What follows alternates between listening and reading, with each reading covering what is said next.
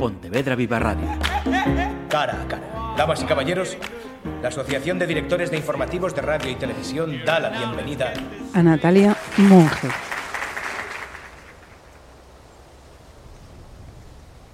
¿Qué tienes que decirle tú a mi madre? El tipo es una lámina de pellejo seco. Con ese cuerpo no se puede ser audaz más que con la boca, espera Flora, porque lleva una hoz en la mano, reposada junto a la pierna, pero quiere que se vea que esa herramienta no está ahí para segar hierba. La vieja detrás de él, que venía atravesando la huerta a paso arrastrado, se detiene. Deja salir de entre las encías un Deixa, y reorienta su atención hacia las gallinas que chillan a su espalda. Han conseguido volcar el cubo del maíz al suelo y sobre los granos esparcidos en el cemento del patio hierve una avalancha de picos, alas, uñas. Flora no se mueve, su cuerpo canijo clavado en el suelo, sus rizos castaños paralizados, sin necesidad de una gota de laca. Su piel oscurecida, moteada por la agresividad de un verano perpetuo, se estrecha para contener el temblor más leve. Sus ojos grandes, achicados, tensionados, no pueden permitirse parpadear. Durante el trabajo de campo, cualquier antropóloga se encuentra con malas palabras amenazas veladas o evidentes. Ella sabe manejarse, sabe desviar la atención, sabe negociar. Lo ha hecho durante los últimos 15 años, de Brasil a Mozambique, rastreando los sistemas de creencias de las tribus nómadas y las nuevas formas culturales que emergen bajo la superficie, en los arrabales superpoblados de las megalópolis. Y ahora, delante de este tipo, solo se le ocurre inclinar la cabeza como un cachorrito abandonado y tenderle el papel arrugado que lleva en la mano la fotografía que la ha traído tan lejos de todo lo que conoce, hasta esta finca aislada de la Serra do más allá de Randín, más allá de los últimos penedos que desde la carretera le parecieron el fin del horizonte, en un lugar que ni ella sabe si es Portugal o España. La mandíbula del tipo responde con un chasquido que hace callar a los pájaros, fruto de un entrenamiento regular en masticación de huesos de mastodonte.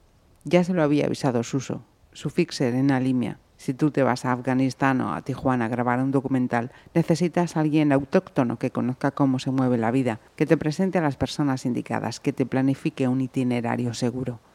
Pues cuando te vienes a la montaña de Urense a rastrear los fósiles de un ritual enterrado que conectaba el tiempo, la naturaleza y el ser humano, lo mismo. Te buscas a un fixer. Y si es un periodista, mucho mejor. Nadie tiene más ojos, orejas pies y hasta hocicos que un buen periodista local con ganas de prosperar y con la misión sentida de que sus historias deben ser reconocidas más allá de su profundo valle. Y así es uso. 31 años cumplidos el verano pasado y acaba de montar el primer medio digital de esa zona fronteriza, O Tempo da Raya. No te hagas ilusiones con esa familia, le dijo ya la primera vez que se encontraron, sentados en una escalera de piedra en el atrio de la iglesia de Santiago de Rubiás. Son raros, son difíciles, son de otra pasta. Hace siglos que no tratan con nadie.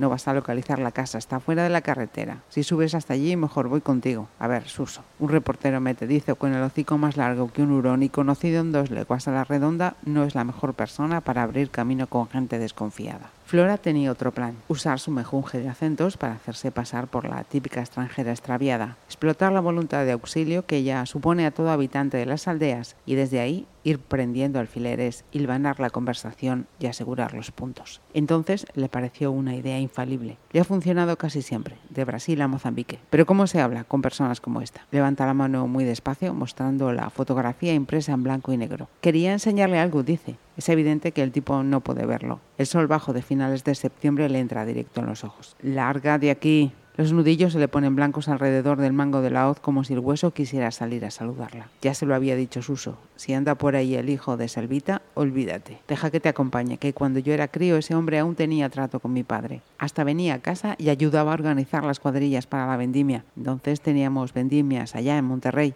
No era fácil, los trabajadores eran gente desunida, desconocida, una mezcolanza de mochileros, peregrinos, inmigrantes y chavales pobres de otros pueblos, algunos ex-yonkis, otros todavía enganchados, algunos chiquitos locos de Toen. El tipo ese, no recuerdo el nombre, con su rostro ajeno a las emociones y dos o tres monosílabos entre los dientes, resolvía la campaña entera. Las constantes bajas, que cada día se iban dos o tres o seis. Siempre fue seco, osco, pero luego se volvió hostil, poco antes de morir su mujer, Gloria. Quizás ella estaba enferma y eso le cambió. Dentro de los hogares, el sufrimiento extendido de los males crónicos, de los días terminales que no acaban de terminar, eso pulveriza hasta las piedras. El tipo ese se replegó a su finca y allí se quedó, con su madre, Selvita, que él hijos nunca tuvo. Cuidan un puñado de vacas e enclenques, algunas gallinas y si va al pueblo no habla con nadie. Hace mucho tiempo que esa gente no deja entrar a nadie allí. A la anciana Salvita ya ni se la ve. Como no tengas suerte y ya salgas a echar la huerta, hasta es posible que haya muerto. Tú te hubieras enterado de eso. El tipo este sería capaz de haberla enterrado en la leira. Por apego filial, no en plan siniestro. Pues yo voy a ir. Prepáralo bien. Llévales un detalle, algo de comida, quizás lo agradecerán. En esa casa siempre parece que nada se da bien. Si plantan patata, les sale cicuta. No podía ser tan difícil, pensaba entonces Flora. Hay un abracadabra para cada persona, eso es seguro. Si se encuentra el argumento correcto, la puerta se abre. Muchas veces ha tenido que convencer a los que no quieren hablar, los del candado en la boca. Son los menos, pero siempre hay alguno. Los que odian las preguntas, los que desprecian su propia sabiduría, que me dejes en paz, que yo no quiero nada de eso, que qué te voy a contar yo, que no sé de nada, que yo a esta edad ya no voy a andar por ahí, que no me grabes, que ya soy viuda, que mis nietos dicen que no, que no me irás a hacer una foto, ¿eh? Incluso esos, si logras encender el fósforo mágico capaz de prenderles en la memoria un recuerdo emocionante o hermoso, acaban enredándose en la trampa. ¿Se acuerda usted de esos juegos que había antes?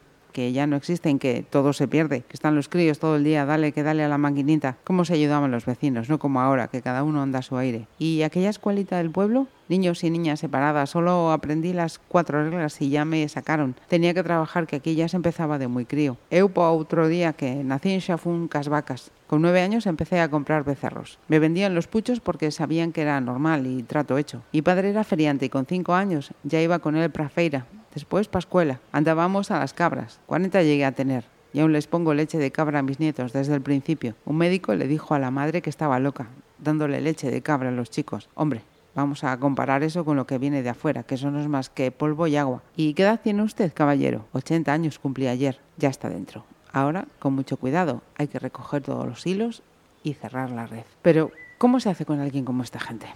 Alguien con una hoz en la mano y una intención siniestra entre los dientes.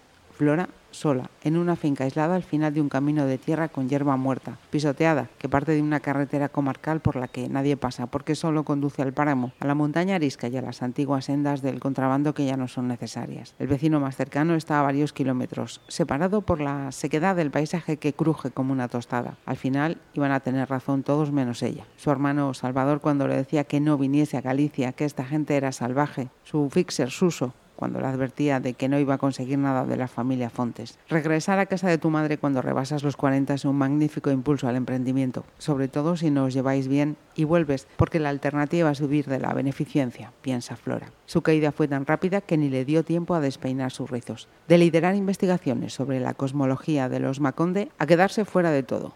Llamada mamá, las puertas abiertas de su hogar familiar en Albergaría Dos Fusos. Allí fue donde perdió la esperanza y empezó a considerar la idea de quedarse para siempre en la aldea de los abuelos portugueses, aceptar el trabajo en la fábrica de aceite de su hermano, cortar todos los cabos que todavía la unían a su identidad anterior, Londres, la antropología, la investigación en el terreno. Solo cuando estuvo dispuesta a renunciar apareció la oportunidad. La encontró leyendo el diario Dosul en la taberna de Albergaría. Cinco museos etnográficos de España y Portugal acababan de conseguir financiación europea para emprender un proyecto de divulgación sobre las mascaradas transfronterizas ibéricas, probablemente la última posibilidad que tendría Flora para volver a hacer lo único que sabe hacer desde un extremo lo más alejado posible de todo lo que ha hecho hasta el momento justo lo que buscaba. Tendría que remover, presionar y persuadir para conseguir entrar en ese proyecto, algo complicado para ella, que en los últimos 20 años se había desconectado de la tierra de su madre. Y entonces se acordó de aquella fotografía, que siempre le había resultado extraña. A veces parecería que las imágenes tomadas al azar puedan capturar claves decisivas para el porvenir. Cuando lo encontró, muchos años antes, abriendo cajas para desechar las cosas de su padre, no le dio demasiada importancia. Una foto en blanco y negro, antigua,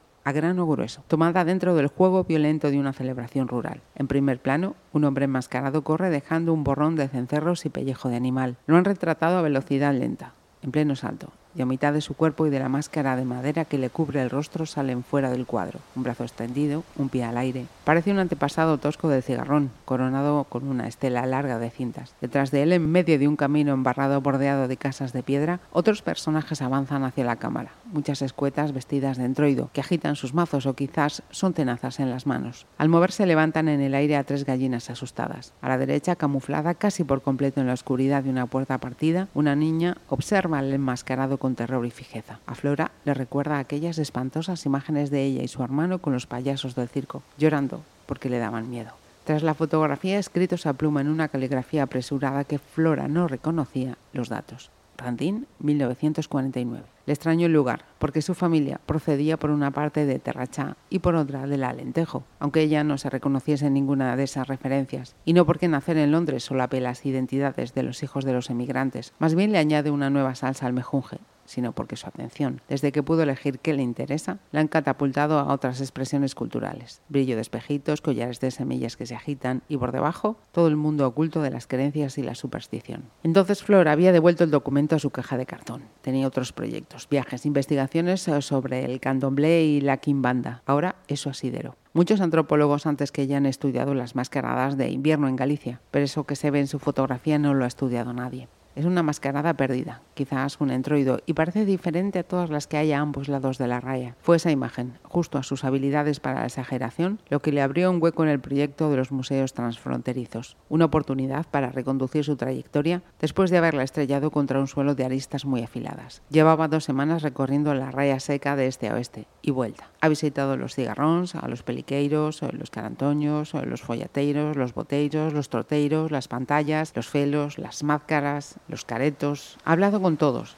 El problema es que en Alimia nadie recuerda la celebración que aparece en su foto. Removió los archivos con los cementerios, molestó a unos y a otros, dejó copias de la imagen en todos los ayuntamientos, preguntó a los médicos rurales, a los pescaderos itinerantes, a los feirantes y no paró hasta que encontró a la niña de la foto. Se llamaba Selvita Fontes. Entonces una pequeña espabillada, hoy rondando los 90 una mujer con una habilidad legendaria. Tenía una memoria extraordinaria para los cuentos e historias. Seguro que ella recordaba la mascarada perdida. Flora ha logrado sacar a la luz la rama dorada a base de preguntar, acosar, tocar teclas, seducir y rastrear. Selvita, la de los fontes, es el gran descubrimiento. Y es inaccesible, según le decían todos. Ahora, delante del tipo de la hoz, todas sus estrategias y expectativas se apartan para abrir paso a aquella frase sarcástica que tanto repetía su padre cocinero de barco mercante. Los Luido solo sabemos hacer una cosa, pero lo hacemos mejor que nadie, Floriña. Cocinar, no muller, fracasar. Y su carcajada poderosa ocupaba todo el espacio durante un momento, antes de ahogarse en los estertores de unos pulmones con más peso en alquitrán que en tejido orgánico. Flora estaba tan convencida de que su método funcionaría con Salvita que no había tomado ninguna precaución. Dejó el coche abajo en el arranque del camino. Subió repasando su puesta en escena, las preguntas escalonadas para emanar un clima de escucha, cordialidad, participación por este orden. Entre los peñascos de la Serra do Larouc, la casa de los Fontes, forrada en un cemento que parecía llevar muchos años sin pintar, se ha contagiado de ese tono que de lejos parece gris y de cerca es el resultado de un fondo blanco moteado por los desconchados, el cuarteado, las humedades, algún círculo expansivo de cosas vivas y la roña en general. Un añadido a dos aguas con el ladrillo a la vista, puerta de aluminio, ventanas de madera con rejas oxidadas. Incluso en la planta de arriba, sí que son desconfiados. El plástico del timbre estaba negro y derretido, como si le hubiesen acercado un mechero encendido. Al pulsarlo, se liberó un coro de campanillas, pero dentro no pareció moverse nada. Tras las barras de la puerta, tras el cristal, tras la cortinilla de ganchillo, la oscuridad muda como una piedra. Pero tienen que estar. Suso dice que siempre están. Rodeó entonces la finca, alambrada con malla de acero verde. Terreno útil, nada de césped, rosales ni fuentecitas. Quizás no tuvieron suerte pero lo intentaban de todas las formas en las que se puede trabajar un espacio de ese tamaño. En la esquina hay tres colmenas de aspecto triste, un invernadero bajo y despellejado. Algunas vides intentan ascender por la valla. La tierra está removida y mezclada con desechos de cosecha, dándole al huerto un aspecto caótico que, sin embargo, debe tener algún sentido. La impresión de labor desesperanzada que emitían los brotes impregnaba también el patio trasero, una esplanada de cemento donde dormitaban dos mastines inmensos, delgadísimos. Son perros territoriales, hostiles con los extraños. Siempre que Flora los ha encontrado en sus recorridos en busca de fuentes orales, salían al camino y marcaban su autoridad. Yo estaba aquí antes. Pero estos dos, si no los hubiese visto sacudirse para espantar las moscas, Flora habría pensado que estaban muertos, que eran momias, sacos de huesos, hechos de la misma materia estillada que la mesa sin una pata sobre la que una dama juana mediada de vino esperaba la hora de su petrificación. Primero encontró los cobertizos y después a la vieja. Su ropa y su piel parduzcas se mimetizaban con las paredes grises en las que brillaban líquenes amarillos. No era fácil distinguir su silueta, pero cuando logró recortarla, Flora ya no pudo dejar de verla. Apoyada en dos varas, con la espalda arqueada como un cartabón, la anciana manejaba un cubo del que sacaba maíz a puñados para echarlo a cuatro gallinas que andaban, picoteaban y cagaban alrededor de sus zapatillas ortopédicas. Dejaba un bastón contra el muro, lanzaba un puñado de cereal, arrastraba el cubo unos centímetros, recuperaba el bastón, avanzaba dos pasos y vuelta a empezar. El mecanismo tenía tantas interferencias que daban ganas de arrancarle el cubo de las manos y hacerle tragar el pienso. Tenía que ser Selvita. Llegar en Cher, pensó Flora, esa expresión que usaba su padre cuando algo le salía bien a la primera, contradiciendo el destino fracasado de los Luido. Selvita, le gritó desde fuera del cercado. Los dos perros, sin mover siquiera una oreja, comenzaron a soltar un gruñido largo, profundo, ronco. Sonaban igual que sonaría Tom Waits ladrando desde el fondo de una tumba. La anciana levantó la cabeza y sonrió. Se limpió las manos en el mandil y activó la maniobra de acercamiento con ese paso dramático, bastón, paso, bastón, que le daba cierta solemnidad. Flora le vio las piernas al aire con una maraña de varices y arañas vasculares. ¿Qué edad tendría? Si la fecha de la fotografía era correcta, no podía llegar a los 90 años, pero parecía la bisabuela de la diosa que parió la tierra. A buen sitio vienes, nena. Ney, Sou, cala de O, ordenó a los perros. ¿Qué qué es? Selvita, creo que no me conoce, pero me han hablado mucho de usted. Me han dicho que es la persona que sabe más historias de las fiestas de antes, de los entroidos y las máscaras. La anciana se rió. Deus bendito, más sabía antes. Ahora ya todo eso no le interesa a nadie. ¿Ves, Uso? Así lo consigue una experta. Piensa Flora relamiéndose de autocomplacencia. ¿Que no?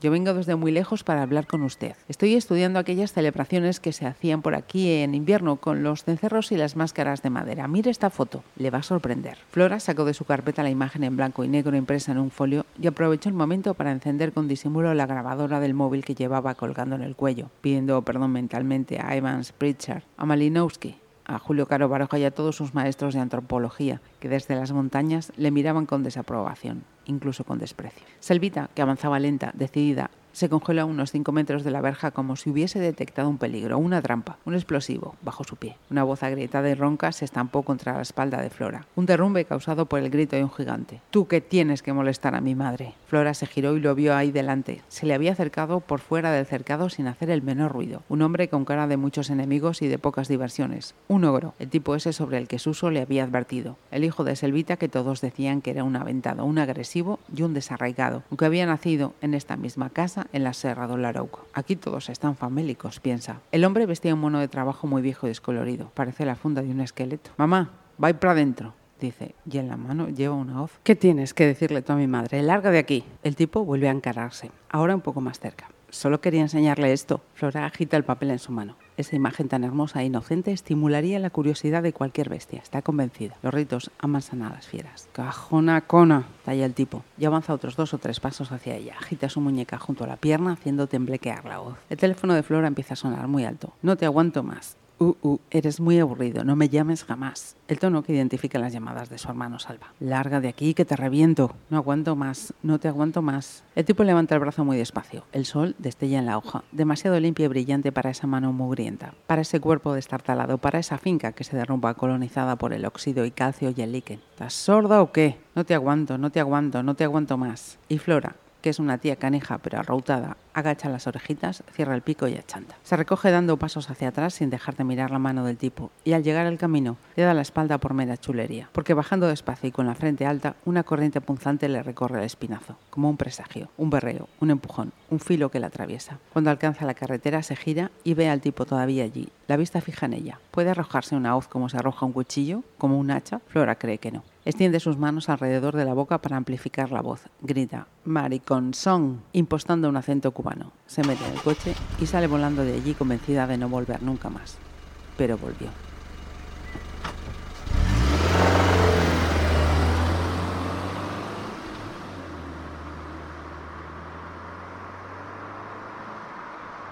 Esto es un extracto de Los Santos Salvajes, la primera novela, que no libro, que publica la coruñesa Natalia Monja. Así que lo primero, vamos a darle las gracias por estos eh, minutos que nos eh, dedica. Natalia, bienvenida y lo dicho, muchas gracias. Hola, muchas gracias a ti y a los oyentes también. Mira, le han añadido a los santos eh, salvajes el adjetivo de folk horror. ¿Cómo nos lo explica la autora? ¿Qué es esto de folk horror? Bueno, es eh, un subgénero dentro del terror y del thriller que además, bueno, pues ha tenido en los últimos años eh, sus eh, exponentes tanto en la literatura como en el cine. Supongo que nos suena en general, por ejemplo, Midsommar, la película, y que, bueno, pues tiene como características eh, que los acontecimientos terroríficos se producen en entornos rurales y que envuelven normalmente pues, a una comunidad que sostiene rituales con contenido pagano, con contenido muy antiguo, que perduran de una forma un poco solapada dentro de las comunidades, de una forma oscura, hasta que, bueno, pues normalmente lo que sucede es que llega una persona incauta de fuera y sin quererlo se entromete donde no debería y se encuentra de pronto envuelto en estas creencias que perviven y que le llegan a afectar de forma directa. Un poco esas son las características que comparten los relatos, el cine y la, la literatura folk horror. Yo en la novela introduzco algunos de sus eh, algunos de estos rasgos, algunas de estas características, aunque bien es cierto que también no se encasilla únicamente en el género terror ni en el género folk horror, sino que bueno, pues hay mucho thriller, hay crimen y hay mucho humor también, porque bueno, pues como la vida misma, ¿no? Todo es variado. Situándolo en Galicia tiene que haber retranca, no hay otra. Tiene, sí. Abrimos el libro y te pregunto, um, ¿qué hay de común entre Flora Luido y Natalia Monge? Pues mm, diría que nada. Eh, no, no me gusta, eh, bueno, eh, básicamente me gusta escribir sobre, sí, sobre temáticas que manejo y de hecho, bueno, pues las temáticas que aparecen reflejadas en el libro son temas que llevo investigando desde hace tiempo, pero que aún así, pues me llevaron a investigar mucho más, a hacer muchísimo trabajo de documentación, pero bueno, más allá de eso, eh, no hay similitud en ninguno de los personajes, tampoco siquiera, siempre se cogen rasgos, ¿no? rasgos de personalidad, incluso frases que captas por ahí, por la calle, cosas que, se ven en los estilos de la gente, pero bueno, mm, digamos que no hay tampoco ningún personaje que, esté inspirado en nadie que exista en la vida real. ¿Y, hasta qué punto has dejado fluir a mm, esta colaboradora de Cuarto Milenio en Los Santos Salvajes? Bueno, yo en Cuarto Milenio eh, normalmente realizo reportajes que están relacionados con la historia de Galicia, eh, bueno, he hecho también reportajes de otras temáticas relacionadas pues, con ciencia y demás, pero sobre todo historia. Y bueno, a mí me encanta encontrar el misterio en la historia, por supuesto lo hay. Yo de formación soy historiadora y si no nos mueve el afán de descubrir cosas que no conocemos, eh, no, investigaríamos, ¿no? Los historiadores, ni bueno, pues ningún científico. Entonces, esa idea de ver el misterio en todas partes, el misterio que no tiene por qué ser sobrenatural, hay muchos tipos de misterio. Eh, creo que, bueno, empapa cualquier, todo, todo tipo de trabajo que hago eh, en cuarto milenio y que después también ahora eh, se ve en, se ve, eh, se ve en la novela. Además, sí que es cierto que hay algunos de los casos que investigué para Cuarto Milenio que de una forma, bueno, pues transformada y, y, un poco dislocada aparecen también en la novela, porque son casos, bueno, verdaderamente sorprendentes de la historia misteriosa más desconocida de Galicia, de distintos lugares de Galicia y bueno, pues historias que en su momento me impactaron eh, muchísimo y que tenía que incorporar. Perdona, perdona Natalia, porque mm, no sé, hay, un fondo ahí que parece como que mm, hubiese alguien moviendo un montón de cosas. No sé si es que el día hoy también nos está afectando y la comunicación es un eh, poco raruna. Eh, es, que, es que estoy aquí y, me, he metido, me he puesto en el sitio más silencioso y aún así pasa gente de vez en cuando que están preparando. Ah, pero yo creo que ahora ya va a estar más tranquilo. Nos dejamos de fenómenos extraños ya y, ahora va a estar más tranquilo. Vale, vale. Mira, quería preguntarte también por esa y para quienes todavía no hayan eh, leído Los Santos eh, Salvajes, por esa ilustración mm, de ese mapa de Galicia. ¿Qué avanza? ¿Qué, qué nos eh, significas con ese preámbulo gráfico? bueno, mm, me imagino que a la gente le sorprenderá porque es una novela contemporánea, es una novela que se enmarca en el ahora y además, eh, bueno, pues puede ser muy gozoso leerlo en este otoño e invierno porque precisamente los sucesos eh, ocurren en otoño e invierno. Y hay momentos muy claves en días como la noche de difuntos, eh, las, eh, el solsticio de invierno, entonces se puede dar el paralelismo de que tú vas leyendo y están sucediendo, y el mismo día de, Halloween están sucediendo cosas en la novela, ¿no? Eh, entonces, claro, abrimos las páginas y nos encontramos con un mapa como a la antigua usanza, ¿no? Un mapa de, estilo antiguo, casi estilo Tierra Media, que representa Galicia y que se detiene además con especial interés en algunos lugares. Bueno, esto es lo que nos cuenta ya para empezar, el estilo antiguo no está puesto por poner. Hay una trama contemporánea en la novela, pero hay otra trama que se retrotrae al siglo XVII y ambas se, imbrican. Eh, después lo que podemos ver es que suceden, hay sucesos, que eh, hay capítulos de la novela que están eh, esparcidos por distintos lugares de, de, la geografía gallega, pero sobre todo nos vamos a la Galicia interior, a esa Galicia casi más desconocida y especialmente a dos zonas importantes como son la raya seca, toda esa zona fronteriza, porosa, donde más que separar hay encuentros ¿no? y donde hay mucho tránsito, con una larga historia además de, del contrabando, con unas historias fantásticas, como es la historia del Couto Mixto, esta república independiente que existió durante nueve siglos entre, entre Galicia y Portugal. Y gran parte de las tramas, las tramas centrales suceden ahí en la raya seca, un, paisaje y un carácter que, proporciona un marco extraordinario para la novela. Y luego subimos al norte y nos encontramos con que también en Terrachá, que es otro lugar fabuloso, que tiene sus propios mitos, que paisajísticamente es toda una anomalía dentro de, Galicia, ese mm, ambiente pantanoso, terroso, con una llanura espectacular, ¿no? Y con esas carreteras trazadas que parece con tiralíneas, donde es fácil perderse, pues es otro de los lugares importantísimos de la novela. Mm. Y esto es lo que así, a grandes rasgos, podemos, podemos Bien, bien. Nos ha dicho esas eh, fechas inmediatas, pero cuidadito también a esos viernes que caen en día 13. Ahí también lo dejo. Igual, pues sí. igual eh, también nos señalas em, que se te han colado los hermanos Grimm en esta novela. ¿Cómo encajan los hermanos Grimm en este ambiente tan gallego? Bueno, eh, la, novela está toda transitada por, el amor a contar historias. Em, yo misma sé que tengo una, eh, bueno, es que adoro contar historias, sea en formato periodístico, sea en formato ensayo, sea en formato novela. Y muchos de los personajes, pues hay periodistas locales, hay antropólogos, hay jóvenes que se dedican o que aspiran a ser estrellas de Twitch, eh, hay trabajadores sociales que trabajan con historias y que tienen esa, ese, ese amor por contar historias. Y la oralidad está muy impregnada también. Hay cuentos, eh, cuentos sanguinarios y cuentos tenebrosos eh, introducidos dentro de la novela y todo ese amor por las historias contadas. De hecho, pues fragmentos y diálogos están tomados tal cual de conversaciones que yo he tenido con ancianas de muchos pueblos de Galicia preguntándoles sobre el mal de ojo o sobre la brujería, ¿no? Y, tiene todo ese, los diálogos tienen ese toque oral que, he intentado mantener. Bueno, pues ahí entran los hermanos Grimm. Los hermanos Grimm lo que conocemos de ellos es la versión edulcorada y, dulce y casi Disney de sus cuentos, pero sus cuentos originales, que tampoco eran de ellos, son cuentos que recogieron eh, durante mucho tiempo en Alemania, sobre todo a a hugonotes, que eran cuentos que venían de Francia, pues eh, pertenecían a la tradición oral y eran cuentos muy sangrientos.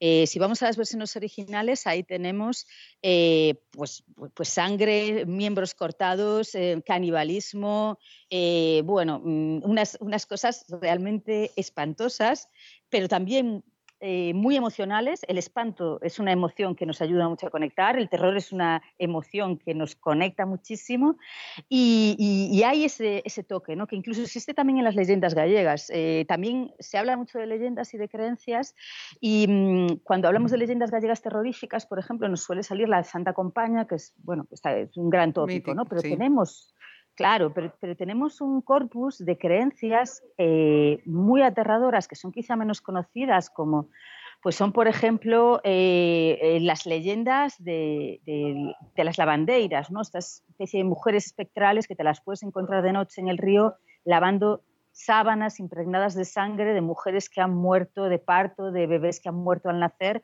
y si las ves te van a pedir que las ayudes a escurrir las sábanas y si giras las sábanas en la, en la dirección en la que no debes hacerlo, te quedarás con ellas para siempre. Pues ahí hay mucha conexión en, las, en la oralidad de estas historias y en la, em, en la sangre ¿no? y en la violencia de estas historias conecta mucho la tradición gallega con las tradiciones francesas y alemanas que recogieron los hermanos Grimm en sus primeros cuentos. A mí me apasiona, me apasionan los cuentos populares, me apasiona esa forma de contar de la narrativa oral y bueno, eh, creo que mm, he intentado que transiten también por las páginas de la novela. Mm, recuperando esto último que nos estás eh, diciendo, eh, hablando de contar historias, de tu faceta en el ámbito de, historiadora, em, ¿cuánto hay de, esas leyendas, de, realidad en estas páginas y sobre todo de miedos que tanto peso tuvieron en tu premiado ensayo Mala cosecha? Eh, bueno, yo lo que planteo en, la novela y planteaba incluso también en Mala Cosecha, porque es cierto que en, en, gran parte pues, la novela viene de muchas cosas que ya se planteaban inicialmente en Mala Cosecha, es que habitualmente factores materiales, como puede ser el clima, como puede ser eh, hechos naturales como las mutaciones, por ejemplo, son fuente de mito, de cultura, de creencia. Eh, por ejemplo, en Galicia, eh, entre el siglo XIII, XIV y el siglo XIX, hubo una pequeña edad glacial. Esto supuso un bueno, un desastre para las cosechas, hambrunas, plagas, etcétera, y esto incidió en las creencias, ¿no? O, por ejemplo, bueno, pues eh, el nacimiento de seres eh, con mutaciones tremendas que ahora cada vez es menos habitual, pero mm, hace siglos, o incluso si nos retrotraemos al Paleolítico, cuando la diversidad poblacional era muy pequeña, había muchísimas más mutaciones terribles. Estamos hablando de, de siameses eh, que parecían personas con dos cabezas y este tipo de cosas que luego sobre ellas se construyeron ideas, creencias, la idea de lo monstruoso, la idea del personaje que trae eh, el caos y que trae la desgracia.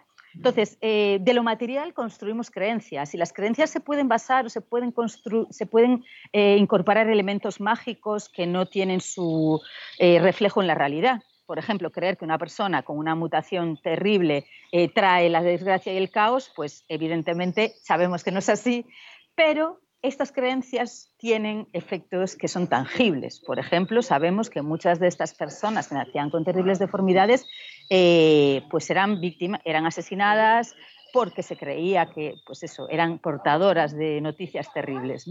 Entonces, ese giro de cómo las condiciones materiales crean las creencias y, las, eh, y a su vez las creencias generan unas nuevas condiciones materiales, eh, es lo que intento trasladar también a la novela eh, a través de un viaje, a través de los siglos y a través del territorio. Y me parece que es bueno, materia interesante para conocernos más y para saber cómo, cómo construimos a nuestros monstruos, a nuestros enemigos, que también de esto va la novela. A mí personalmente, Natalia, quizá me dirás tú, no, no, no, para nada, pero me resulta también que es una reivindicación absoluta del ámbito rural. Bueno, eh, ah, claro, em, desde luego lo que él no quería era mostrar un ámbito rural eh, inamovible, y, eso que se habla mucho de tradiciones y de cosas que perduran de forma, pero mm, he intentado transmitir la idea de lo que es el ámbito rural, que es eh, donde hay cambios, donde se producen eh, dinámicas, e incluso, bueno, pues hay, hay, mucha diversidad y muchos viajes de, vida de ida y vuelta, ¿no?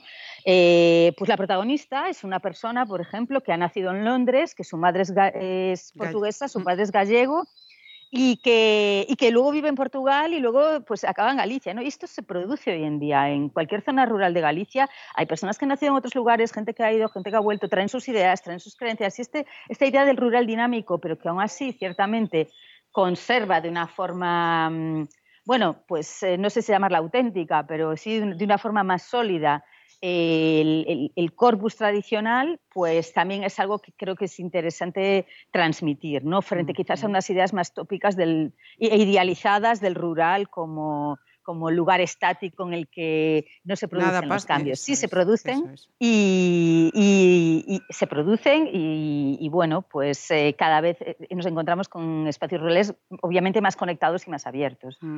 En este contexto, ¿cómo encajamos también a David Bowie? Porque esta novela también tiene una banda sonora. bueno, mis obsesiones están retratadas en la novela y entre ellas la música. Yo pues soy muy melómana.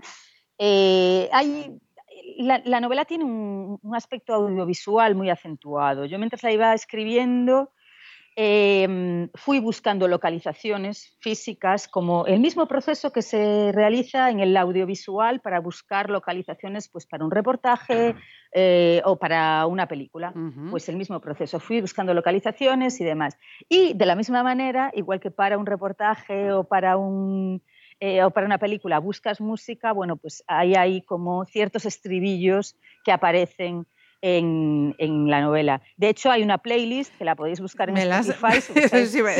hay una playlist que además es eh, todo un universo musical, porque es que hay casi, casi de todo. Sí, sí, sí, hay variadito. Eh, em, claro, se representan muchas realidades en la novela. Entonces, bueno, ahí en la playlist hay cosas que a mí no me gustan, pero que están en la novela, porque forman parte del ambiente.